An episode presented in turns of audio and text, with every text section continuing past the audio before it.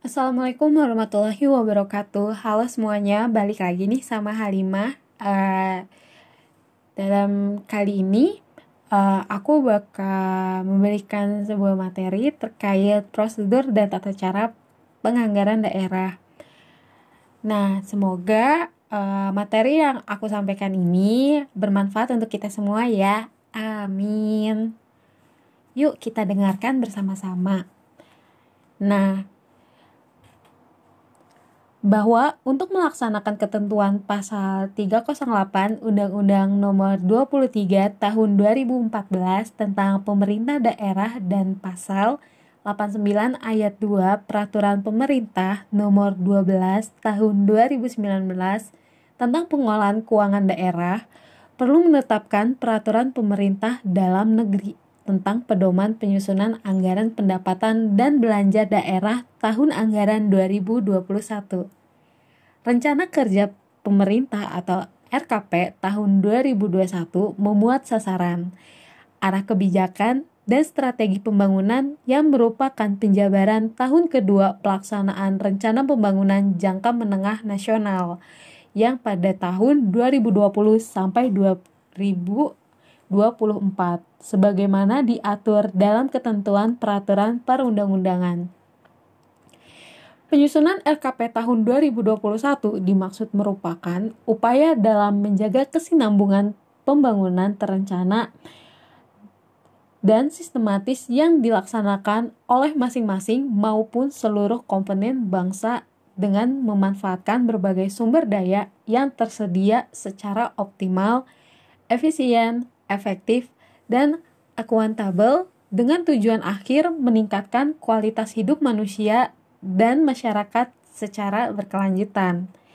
Nah, penyusunan RKP tahun 2021 dilaksanakan dengan menggunakan pendekatan tematik, holistik, integratif, dan spasial, serta kebijakan anggaran belanja berdasarkan Money Follow Program dengan cara memastikan program bermanfaat yang dialokasikan dan bukan hanya merupakan tugas fungsi kementerian atau lembaga yang bersangkutan. Berkaitan dengan itu, pencapaian prioritas pembangunan nasional memerlukan adanya koordinasi dari seluruh pemangku kepentingan melalui pengintegrasian prioritas nasional atau program prioritas atau kegiatan prioritas yang dilaksanakan dengan berbasis kewilayahan. Nah, dalam penyusunan RKP ini tentu saja ada penyusunan anggaran negara. Nah, penyusunan anggaran negara sendiri merupakan rangkaian aktivitas yang melibatkan banyak pihak termasuk semua departemen dan lembaga serta Dewan Perwakilan Rakyat. Nah, peran DPR sendiri dalam penyusunan anggaran menyebabkan penyusunan anggaran lebih transparan, demokratis, objektif, dan akuntabel. Sesuai dengan amanat UUD 1945 bahwa APBN harus diwujudkan dalam bentuk undang-undang. Dalam hal ini, Presiden berkewajiban menyusun dan mengajukan rancangan APBN atau RAPBN kepada DPR. RAPBN tersebut memuat asumsi umum yang mendasari penyusunan APBN, perkiraan penerimaan, pengeluaran, transfer, defisit atau surplus, pembiayaan defisit, serta kebijakan pemerintah. Selain itu, APBN juga memuat perkiraan terperinci mengenai penerimaan dan pengeluaran departemen atau lembaga, proyek, data aktual, proyeksi perekonomian, dan informasi terkait lainnya. Semuanya dituangkan dengan nota keuangan yang merupakan bagian yang tak terpisahkan dari RUU APBN yang disahkan kepada DPR. Nah, format APBN pemerintah Republik Indonesia menjadi lima, di antaranya ada pendapatan negara dan hibah.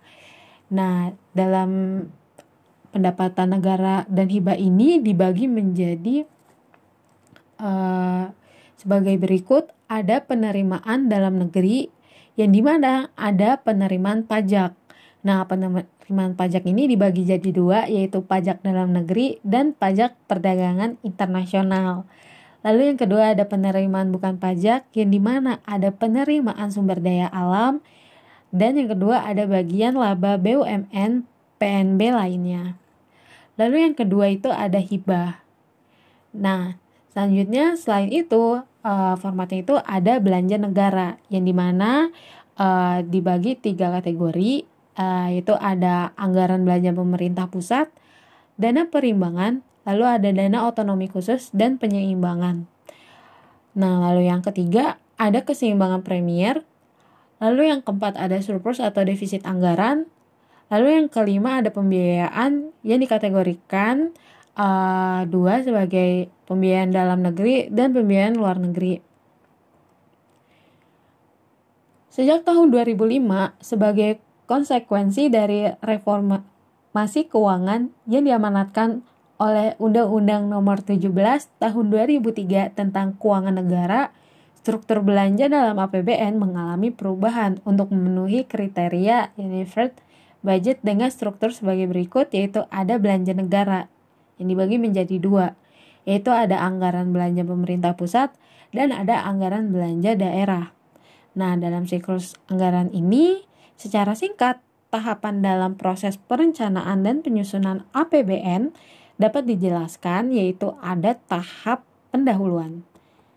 Nah, tahap ini diawali dengan persiapan rancangan APBN oleh pemerintah antara lain itu ada empat kategori yaitu meliputi penentuan asumsi dasar APBN, perkiraan penerimaan dan pengeluaran, skala prioritas, dan penyusunan budget exercise. Nah, pada tahap ini juga diadakan rapat komisi antar masing-masing komisi dengan mitra kerjanya atau departemen atau lembaga teknis. Tahap ini diakhiri dengan proses finalisasi penyusunan RAPBN oleh pemerintah. Lalu yang kedua ada tahap pengajuan, pembahasan, dan penetapan APBN. Nah, di tahap ini dimulai dengan pidato presiden sebagai pengantar RUU, APBN, dan nota keuangan. Selanjutnya akan dilakukan pembahasan baik antar Menteri Keuangan dan panitia anggaran DPR maupun antara komisi-komisi dengan departemen atau lembaga teknis terkait.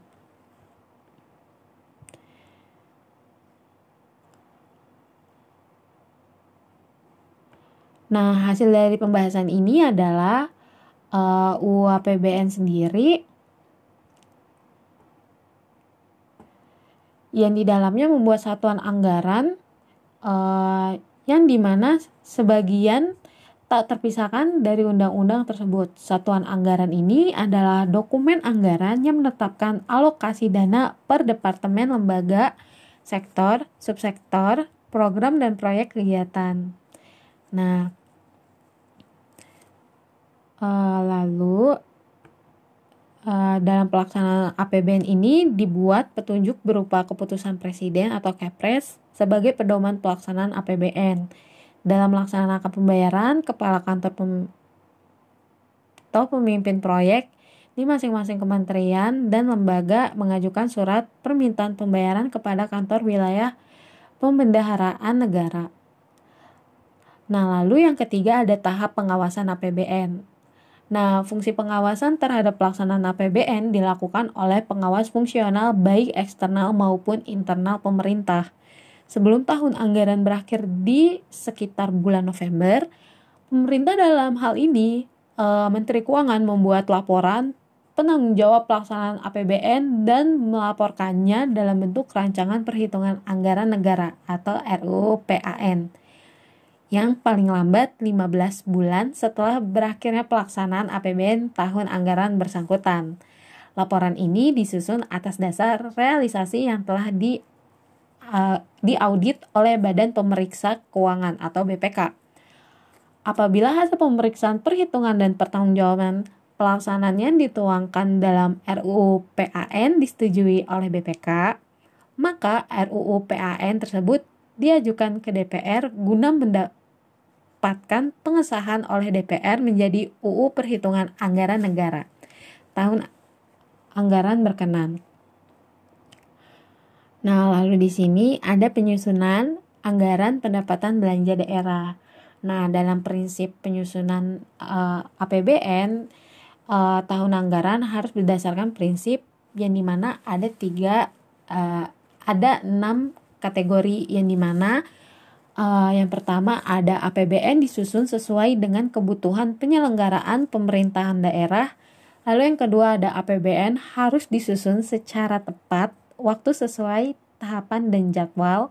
Lalu yang ketiga ada penyusunan APBN dilakukan secara transparan di mana memudahkan masyarakat untuk mengetahui dan mendapatkan akses informasi seluas-luasnya tentang APBN.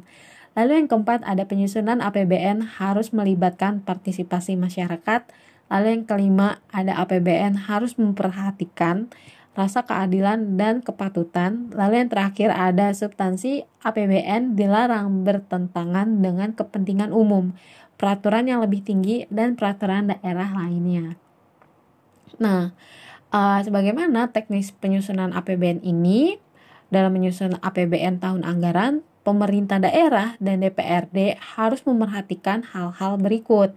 Yang pertama itu penetapan APBN tepat waktu yaitu paling lambat pada tanggal 31 Desember yang di mana tahap ini itu ada penyusunan RKPD yang di mana waktunya ada sekitar akhir bulan Mei lalu ada penyampaian KUA dan PPAS oleh Ketua TAPD kepa kepada Kepala Daerah yang di mana waktunya uh, satu bulan uh, sekitar di seminggu di bulan Juni.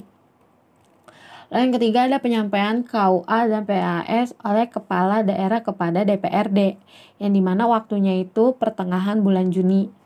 Nah lalu yang keempat ada KUA dan PPAS yang disepakati antara kepala daerah dan DPRD yang waktunya sekitar akhir bulan Juli Lalu ada surat edaran Kepala Daerah Perihal Pedoman RKA SKPD yang di mana waktunya itu di awal bulan Agustus. Lalu ada penyusunan dan pembahasan RKA strip SKPD dan RKA strip PPKD serta penyusunan rancangan APBD yang di mana waktunya itu awal Agustus sampai dengan akhir September.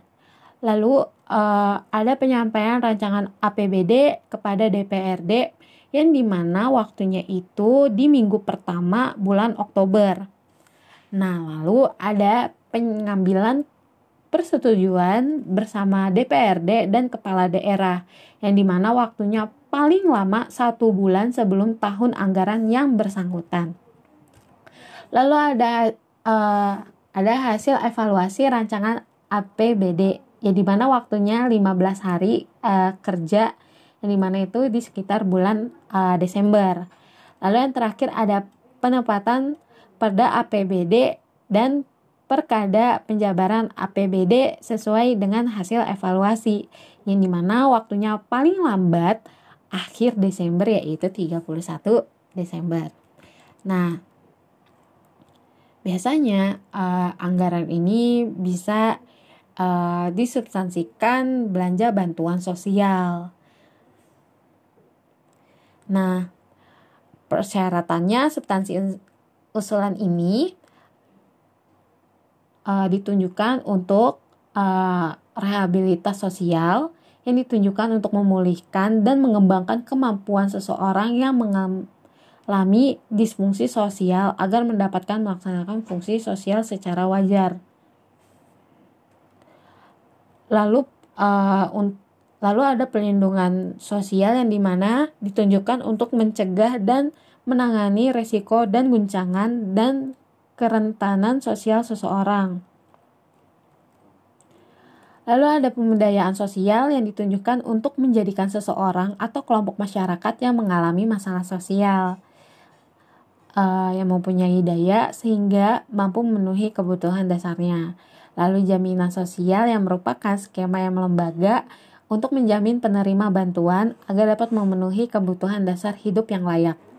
Lalu ada penanggulangan kemiskinan dan merupakan kebijakan, program, dan kegiatan yang dilakukan terhadap orang, keluarga, kelompok masyarakat yang tidak mempunyai atau mempunyai sumber mata pencaharian dan tidak dapat memenuhi kebutuhan yang layak bagi kemanusiaan. Nah, Lalu ada uh, tahapan penganggaran belanja hibah dan bantuan sosial. Nah, sesuai dengan tahapan penyusunan APBD murni berdasarkan Permendakri nomor 31 tahun 2016 yang di mana pertama penyampaian proposal usulan dari pemo pemohonan yang ditunjukkan kepada wali kota. Yang kedua disposisi dan distribusi proposal. Lalu ada verifikasi dan rekomendasi oleh SKPD teknis. Lalu ada pertimbangan TAPD. Lalu ada pencantuman alokasi belanja hibah dan bantuan uh, KUA PAS. Lalu uh, yang keenam itu ada penyampaian KUA PAS uh, di mana itu ada di minggu uh, pertama Juni, lalu pembahasan dan penetapan KUA PAS yang di mana itu di minggu pertama Juni sampai ke minggu keempat Juli. Lalu ada pencantuman nama penerimaan hibah dan bantuan sosial dari RAP BD uh, yang uh, ada di minggu pertama bulan Oktober, lalu ada pembahasan dan penetapan APBD yang di mana uh, itu ada di bulan Oktober sampai akhir Desember.